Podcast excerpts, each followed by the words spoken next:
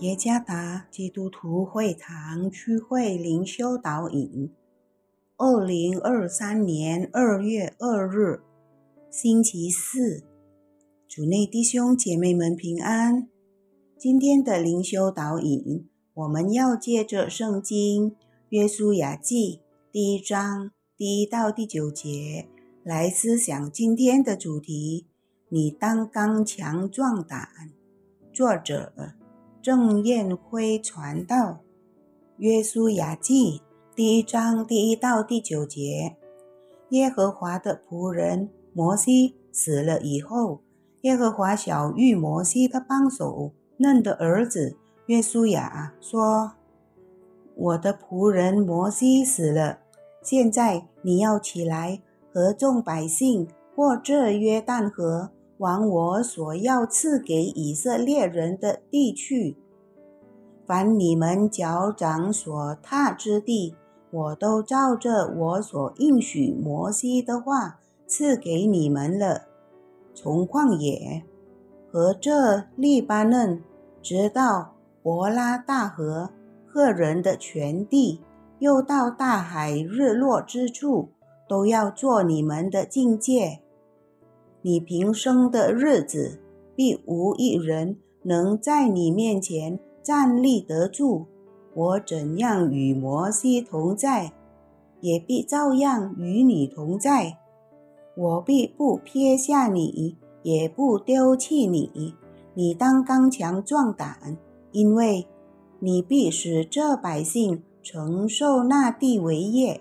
就是我向他们列祖起誓应许赐给他们的地，只要刚强、大大壮胆，谨守遵行我仆人摩西所吩咐你的一切律法，不可偏离左右，使你无论往哪里去都可以顺利。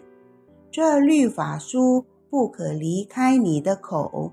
总要昼夜思想，好使你谨守遵行这书上所写的一切话。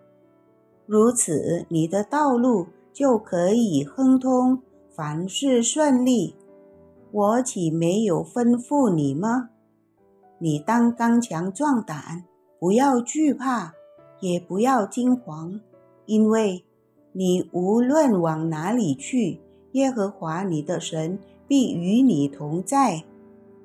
一位记者对德怀特·蔡曼穆迪做出了这样的评论：“我在穆迪身上看不到任何可以说明他惊人的工作。”这篇评论的目的为要贬值穆迪这些年日为基督所摆上的服饰与奋斗。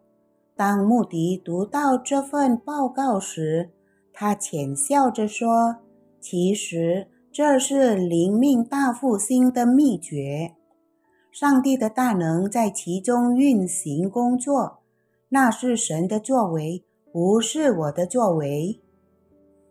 神呼召约书亚接替摩西，继续带领以色列人进入应许之地。”参看《生命记》三十四章第九节，神对约书亚说：“他的道路会亨通，因为神会亲自带领，并与他同在。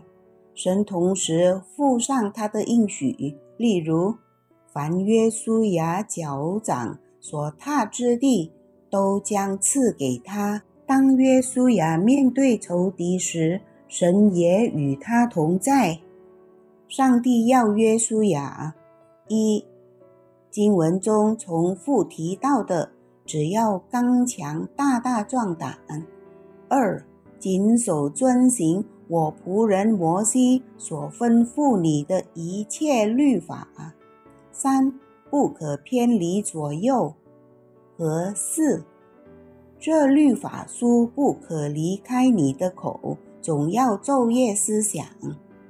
约书亚面临的是一项新的，并且是一项重大的任务。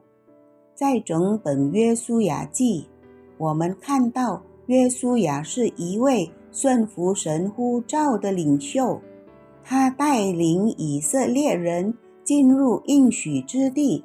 他坚定的心智，并不是因为他能干，或者他与摩西在一起那四十年的经历，而是因为神拣选了他，以及神应许他的能力与约书亚同在。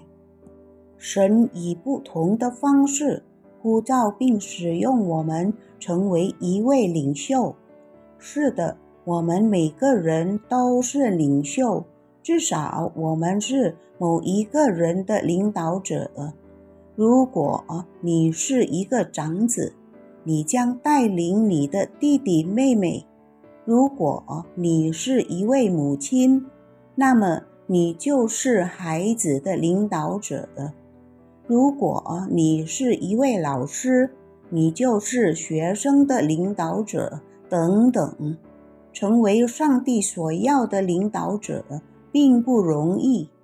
他必须在服从和坚持中显出模范的生活，虽然将会面对许多挑战和困难。然而，神要我们能刚强壮胆，不是因为我们能干，乃因神的能力。与我们同在，唯有刚强壮胆，坚固你的心。主耶稣赐福。